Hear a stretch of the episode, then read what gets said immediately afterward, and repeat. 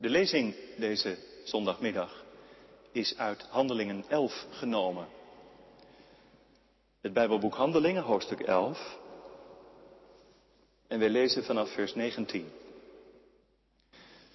En ik heb hier de herziene statenvertaling voor mij, zie ik. Zij nu, die door de verdrukking die in verband met Stefanus plaatsgevonden had, overal verspreid waren, gingen het land door tot Fenicië, Cyprus en Antiochië toe, terwijl ze tot niemand het woord spraken dan alleen tot de Joden. Er waren onder hen echter enkele mannen van Cyprus en uit Cyrene, die, toen ze in Antiochië waren gekomen, het woord richten tot de Grieks sprekenden en de Heer Jezus verkondigden. En de hand van de Heere was met hen en een groot aantal geloofde en bekeerde zich tot de Heere. En het gerucht over hen kwam de gemeente die in Jeruzalem was ter oren. En zij zonden Barnabas uit om het land door te gaan tot Antiochië toe. En toen hij daar gekomen was en de genade van God zag, werd hij verblijd en spoorde hij hen allen aan om met een hartelijk voornemen bij de Here te blijven. Want hij was een goed man en vol van de Heilige Geest en van geloof. En er werd een grote menigte aan de Here toegevoegd. En Barnabas vertrok naar Tarsus om Saulus te zoeken. En toen hij hem gevonden had, bracht hij hem naar Antiochië. En het gebeurde dat ze een heel jaar met de gemeente samenkwamen en een grote menigte onderwezen. En dat de discipelen voor het eerst in Antiochië christenen werden genoemd. En in die dagen kwamen enkele profeten vanuit Jeruzalem naar Antiochië. En een van hen, van wie de naam Agabus was, stond op en gaf door de geest te kennen dat er een grote hongersnood zou zijn over heel de wereld, die ook gekomen is onder keizer Claudius. En de discipelen besloten, ieder naar zijn vermogen, iets te sturen ten dienste van de broeders die in Judea woonden. En dat deden zij ook. En zij stuurden het naar de ouderlingen door de hand van Barnabas en Saulus. Tot zover de lezing. Dit is het woord van God. Uit het Bijbelgedeelte onderstreep ik vers 26. Het was in Antiochië dat de leerlingen voor het eerst christenen werden genoemd. Gemeente van onze Heer Jezus Christus. God is een vluchteling. In het boek dat hij deze titel gaf, verhaalt de Vlaamse schrijver David Dessin verhalen over migranten die in de afgelopen jaren in ons midden zijn komen wonen, België, Nederland. God is een vluchteling. In de media krijgt dat niet zoveel aandacht, maar de helft van de vluchtelingen in de Europese Unie is christen. Tot aan het begin van de vorige eeuw woonden moslims en christenen in het Midden-Oosten tamelijk vreedzaam naast elkaar. Maar sindsdien is dat radicaal veranderd en de sfeer verzuurd. Er leefden vele christenen, maar de bloeiende gemeenschappen van voorheen krompen ineen en daar kwam de radicalisering van de islam nog overheen. En niet te vergeten de bloedige oorlogen met Syrië als laatste verschrikkelijke voorbeeld. Ik ging onlangs voor in een dienst in Huizen en daar vertelde tijdens de dienst een Syrische moeder hoe verschrikkelijk de dreiging daar is in haar thuisland met haar man en kinderen het leven gaandeweg onmogelijk gemaakt. En de dankbaarheid om te wonen in een land waar vrede en vrijheid gewoon lijken. Het was, herinner ik me nu, de 5e mei. En het sprak de gemeente natuurlijk in alle directheid aan. God is een vluchteling. De mensen voelden, in deze vrouw, deze moeder, heeft God ons iets te zeggen. Het is een stem die ons wakker roept. Op de achterflap van dat boek dat ik noemde, lees ik, in een postchristelijk Europa houden deze nieuwkomers ons een spiegel voor. In hun volharding. In hun bevlogenheid. In de overtuiging die ze delen en waardoor ze keuzen maken, ook moeilijke. In Nederland sluiten ze zich soms aan bij bestaande geloofsgemeenschappen. Maar vaker nog komen ze samen met de anderen die dezelfde taal spreken in een kapel, in een huis of in een sporthal. Maar zij voegen wel wat toe aan onze kerken, deze migranten. In hun geloofsvertrouwen dwars door alles heen en in hun toewijding aan de zaak van Jezus Christus. God is een vluchteling. Die woorden, daar moest ik aan denken bij het lezen van Handelingen 11. Want het gaat hier precies over hen. In die grote havenstad Antiochië, na Rome en Alexandrië, de derde stad in het grote Romeinse Rijk. Het gaat over vluchtelingen. Na de dood van Stefanus breekt er onderdrukking uit in Jeruzalem en in de streken daaromheen. En het gevolg is dat de gemeente in Jeruzalem, de moedergemeente, uit elkaar begint te vallen. En de leerlingen van Jezus worden verstrooid. Zo wordt dat genoemd. Ze worden verstrooid. Ze komen in de diaspora terecht. En een deel van hen in Antiochië. In die stad woonden vele mensen, een smeltkroes van culturen. En de Joden, geboren en getogen in Judea, zullen zich daar ontheemd hebben gevoeld. Overweldigd door al dat andere, dat vreemde en op elke straathoek weer een andere God. En als zij dan in gesprek raken met wie dan ook, dan concentreren zij zich toch op hun eigen volksgenoten alleen. Zij delen het evangelie alleen met de Joden. Maar er waren onder deze vluchtelingen ook die waren opgegroeid op Cyprus of in Noord-Afrika, Cyrene. En die hadden het heidendom dus van huis uit ook van dichtbij meegemaakt. En dat hadden ze in zich bewaard toen ze in Israël waren komen wonen. En ook nu, nu ze de wijk moesten nemen naar Antiochië. Zij kennen iets van deze wereld. Hen overkomt niet iets vreemds. En dit zijn dan ook de vluchtelingen, de Joden in Antiochië, die niet-Joden, Grieken en anderen bekendmaken met het evangelie. Die eerste groep beperkt zich tot de eigen kring, het eigen volk, maar zij niet. Zij doen iets wat nieuw is. Zij steken de grens van de cultuur en van het zo anders in het leven staan over. En de Heer, lees je dan, steunde hen in deze taak. Hun leven draagt vrucht. Hoe is dat dan gegaan? Wat moet ik me voorstellen bij die verspreiding in die stad? Ja, hoe is dat gegaan? Er is in ieder geval geen evangelisatieactie op touw gezet of zo. Er waren geen Billy Graham-achtige samenkomsten in het stadion. Als vluchteling voeg je je voorzichtig te midden van de mensen in je nieuwe woonplaats. Maar hoe is het dan gegaan? Heel simpel, denk ik. Van mond tot mond en van buur tot buur. In het koffiehuis. In de haven. En op de markten.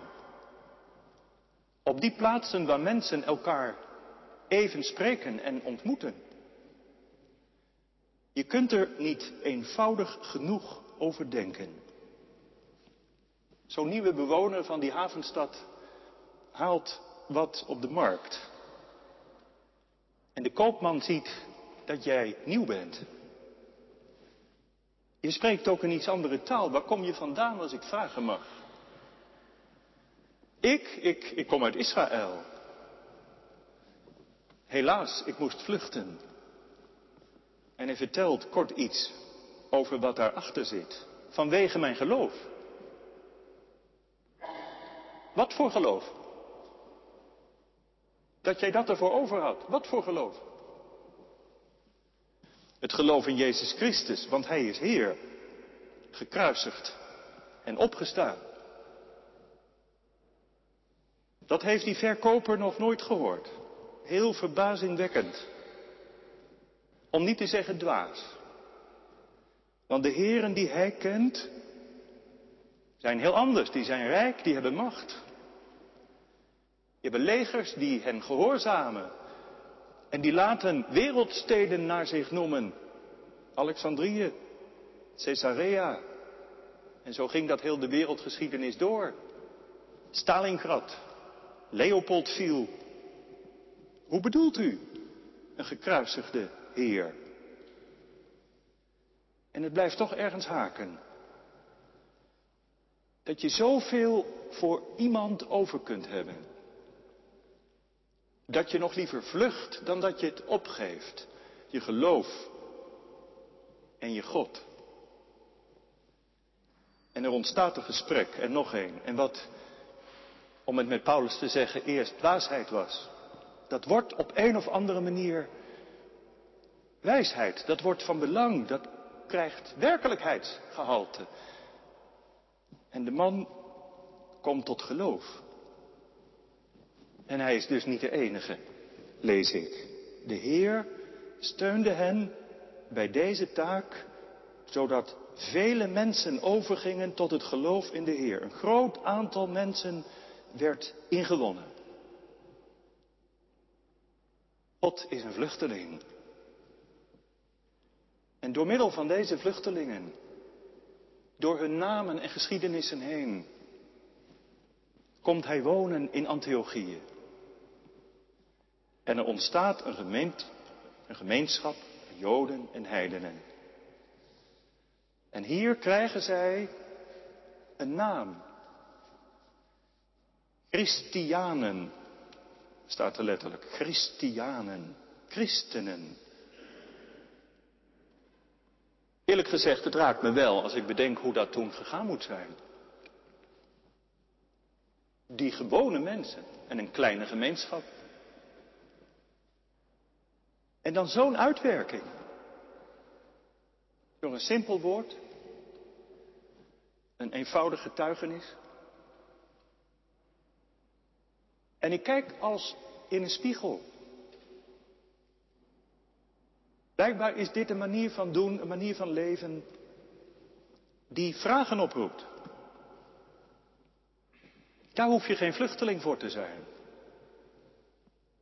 Bereid om verantwoording af te leggen van de hoop die in je is. Dat geeft mij nog wel te denken. We hebben trouwens ook amper door wat voor kantelpunt in de geschiedenis van de jonge christelijke kerk hier beschreven staat. Want tot nu toe kwamen bijna alleen maar Joden tot geloof in Jezus Messias. Een enkele uitzondering daar gelaten. Maar dat ook de Filistijn en de Tyriër en de Moren tot geloof komen en dat Psalm 87 op een nieuwe wijze waar wordt, dit is een nieuwe beweging van de geest. Dit is zo nieuw. Dit is zo buiten de vaste paden. Dat in de moedergemeente Jeruzalem met verbazing en zelfs met enige reserve wordt vastgesteld dat God niet alleen blijkbaar naar Joden omziet, maar ook naar heidenen. En dat het dus hoog tijd wordt om polshoogte te nemen. Een hoofdstuk eerder krijgt Petrus, die bij de heiden Cornelius over de drempel gekomen is, al de nodige vragen te verwerken. Maar nu komen er wonderlijke verhalen uit Antiochieën vandaan. Waait de geest dan die kant op? Past dit dan in het plan van de hemel?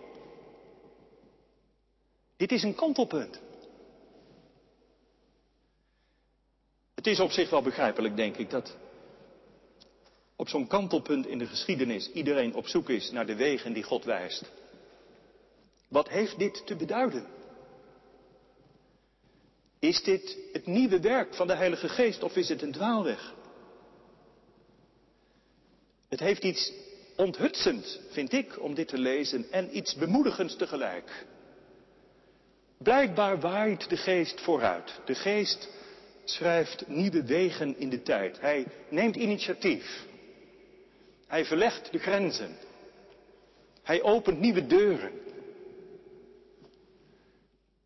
En dat is de enige reden dat er op deze wereld zulke mooie dingen gebeuren in dienst van het evangelie.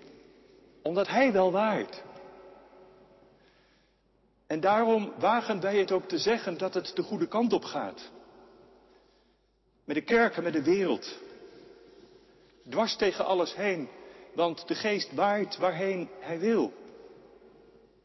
Dat is het werk van de geest. En de leerlingen en de leiders van de gemeente dan, de mensen. Nou, als je eerlijk bent, dan merk je in het boek Handelingen heel vaak dat die er maar wat achteraan komen. Die kunnen het, die kunnen het soms amper bijhouden. En er zijn momenten dat ze op de rem trappen. Dat ze in de weerstand zitten. Dit gaat te snel, dit is te nieuw. Dit zijn wij allemaal niet zo gewend. Nou, dan weet je ook hoe laat het is. En als wij dat zeggen, als wij zulke woorden spreken in kerk en in gemeente, dan hebben wij het veelal over de kleinere dingen. In vergelijking met de geweldige stap die de Heere God in het boek Handelingen maakt. De ene na de andere stap. Van Jood naar Heiden. Van Jeruzalem naar Griekenland. Naar Rome. De muren worden afgebroken. De palen worden verzet. De wereld komt in het zicht. Dat is zo'n radicale doorbraak. Daar hebben wij hier het evangelie aan te danken. En dit is zo'n radicale doorbraak dat de gemeente van Jeruzalem iemand stuurt, een gezant, om poolshoogte te nemen, om contact te leggen. Een kerkelijke visitator. En wie kun je daarvoor beter vragen dan Barnabas? Een man met het hart op de goede plaats en vol van de Heilige Geest. Hij had dat al eerder getoond. Toen hij Saulus, zo heette die toen nog, in de gemeente van Jeruzalem introduceerde. Dit is de man die het invoelingsvermogen heeft. En vertrouwen geniet.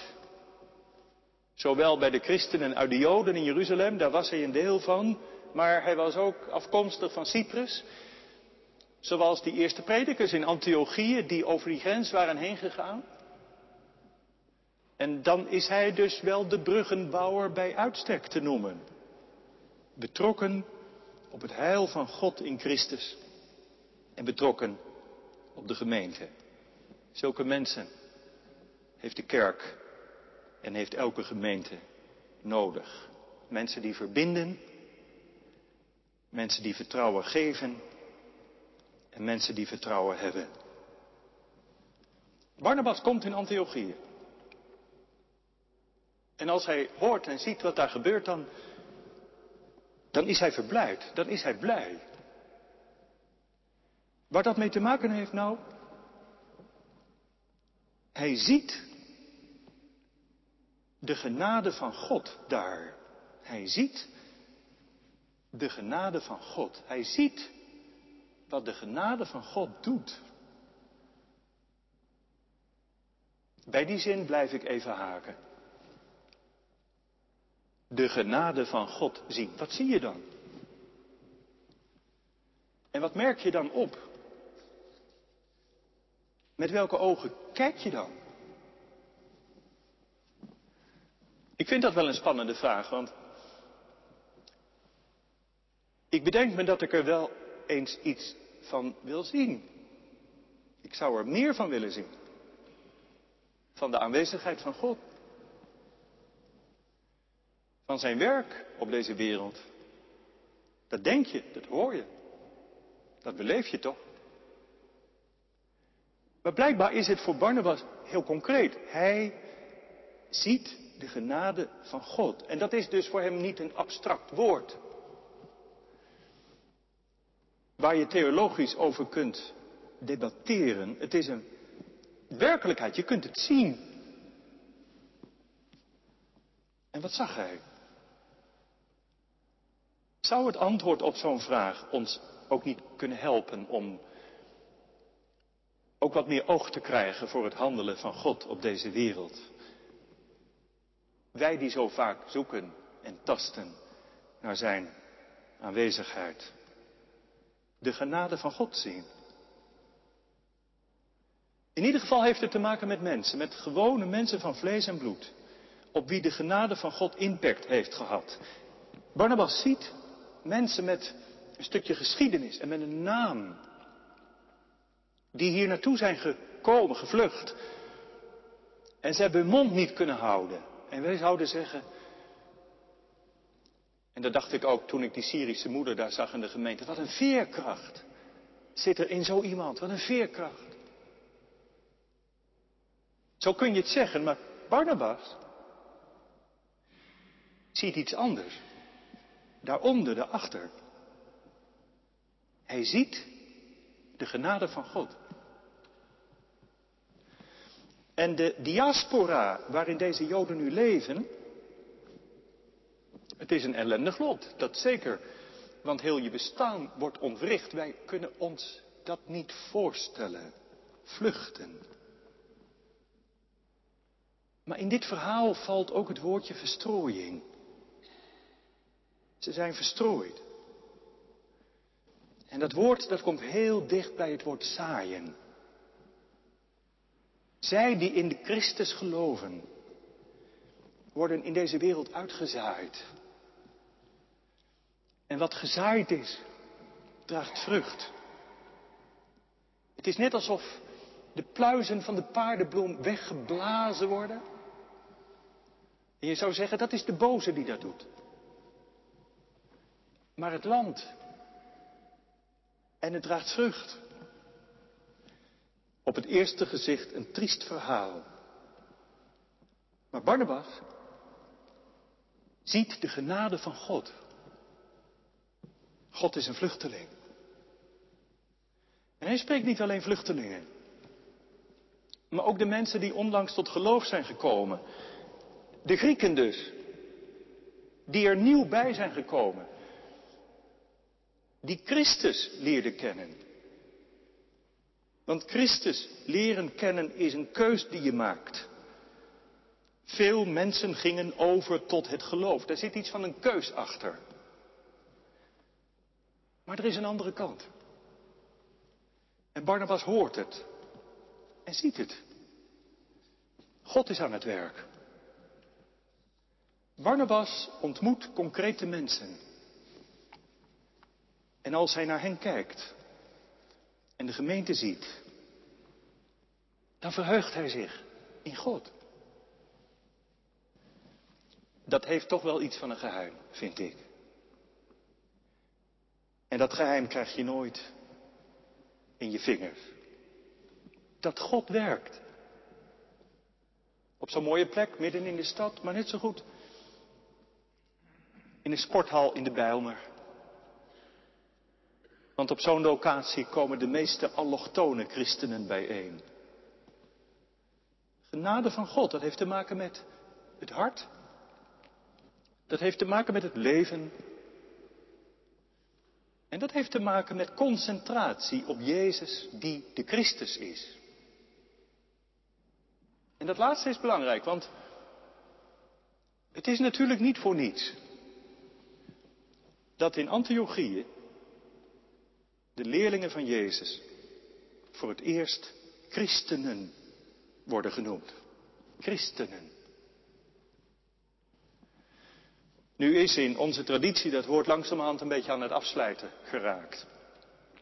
Wij kennen die woorden bijvoorbeeld uit de statistiek. Hoeveel mensen op deze wereld zijn christen, hoeveel moslim, hoeveel hindoe. En dan nemen wij het met één grote greep en we plakken er een getal aan vast. En we hebben het woord christelijk in de loop van de tijd overal aan vastgehecht. Aan een christelijke school bijvoorbeeld. En een christelijke vakbond. En een christelijke korfbalvereniging. Nou, daar is niets mis mee als de vlag de lading dekt. Maar dan voel je wel aan dat het zich verbreed heeft en veralgemeniseerd is. Zo blijkbaar dat wij ook andere bijnamen nodig hebben gehad. Om het nog wat specifieker te maken. Ben je christen? Ja, en ik ben protestant. En ik ben katholiek. En mijn naam is gereformeerd. Je hebt ze dus in soorten. In die tijd was het nieuw. En de inwoners van Antiochia hadden dat al snel door, denk ik. Dit zijn geen Joden, al komen zij daar wel uit voort. En het zijn zeker geen heidenen, deze nieuwe gemeenschap. Men gaat met elkaar aan tafel, men leest uit een boek. Er wordt gebeden. En ze hebben het over Jezus, die ze Messias noemen in het Grieks Christus. Wij noemen hem Christianen. Misschien trouwens ook wel met één letter verschil Christianen. Dat woord kende men al wel. Maar dat was nou ook weer niet zo'n flatteus woord. Dat was een woord wat men reserveerde voor de heilige boontjes. En de brave rikken. In die naam klinkt dan ook een beetje spot door. Die christenen doen aan de leukste dingen van het leven niet mee. Ze gaan niet meer naar het theater. En het stadion laten ze links liggen. En ook bij de offerfeesten ontbreken ze. Ze hebben toch wel iets anders. We noemen ze Christianen. Ja, dat valt op dat ze zich niet zelf zo noemden, maar dat ze zo werden genoemd door anderen. Ze hebben dat niet bedacht, maar het is ze overkomen. Als je het zelf doet, dan klinkt het nog wat pretentieus. Kijk mij nu eens een christen zijn. Dat wordt leerling. Dat spreken ze gemakkelijker uit. Wij zijn leerlingen van Jezus. Maar als anderen dat nou doen, en je die woorden toevoegen, jou christen noemen, ben je dat dan niet? Dan kun je ook soms met andere ogen kijken naar jezelf. Ik ben dus iemand die christen wordt genoemd. En zo kijken mensen me aan. En ze verwachten dat daar een soort leven bij hoort. En ze denken dat ik misschien wel een keer een wijs woord kan delen. En ze hopen wellicht soms dat ik een weg kan wijzen. Christen. En dan wordt die naam ineens betekenisvol. Een naam die je dragen mag. Maar het gaat ons om Christus. In zijn naam zijn wij gedoopt. Zijn dood verkondigen wij bij het avondmaal. En zijn opstanding wordt elke zondag gevierd.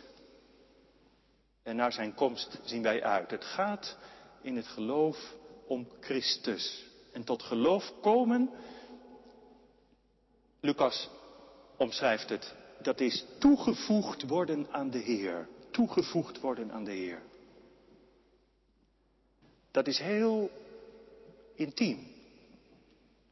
Door het geloof van Hem en Hij van mij. Door de doop zijn eigendom. Met Hem gestorven en opgestaan. Ik hoor bij Hem. Ik zou niet anders willen. En die naam die dus door buitenstaanders is verzonnen, herinnert ons daaraan. Laten wij die naam dragen. Bescheiden en met ere. Christenen. Stefan Paas schreef al heel wat jaren geleden een boek onder de titel Jezus als Heer in een plat land. Het land waar wij leven is plat, omdat God geen factor van betekenis meer is en zijn plaats in onze cultuur leeg. Wij geloven, in zijn algemeenheid gezegd, alleen nog dat wat wij zelf kunnen zien en bevatten. En daarmee blokkeren wij ook wel een ontmoeting met Hem, die groter is dan wij ons ooit kunnen voorstellen. Dat is de grondtoon van onze samenleving. Leven in zo'n cultuur gaat je niet in de koude kleren zitten. En daarom zoeken wij zo en tasten wij. Hoe zien wij die hand van God nog in onze tijd? Broeders en zusters, als wij nu eens leren om te kijken met de ogen zoals van een Barnabas. En dat is een oefening. Als hij mensen tegenkomt die in eenvoud de naam van Christus beleiden, en dan gaat het niet om weinig of veel. Dan ziet hij de genade van God. En als wij zo eens om ons heen zien en de signalen mogen opvangen van wat God in deze tijd doet, dan komt er weer relief in dat platte landschap. En laten we zo ook naar elkaar kijken. Dat jij er bent. Dat jij me vergezelt. Dat jij samen met mij bidt en ik met jou. Dat wij samen Gods lof zingen. Het geloof beleiden. Gemeente zijn. Ik zie daarin de genade van God. De kerk is een kring van zondaren, zei Noordmans ooit. De kring voor wie Christus zijn leven gaf. De kring waar het boek opengaat, waar liederen klinken van verlangen. De gemeenschap waar het water stroomt, het water van de doop. En waar dat brood wordt gebroken en de wijn gedronken. Christus, naar wie wij heten. Eer aan de Vader en de Zoon en de Heilige Geest. Amen.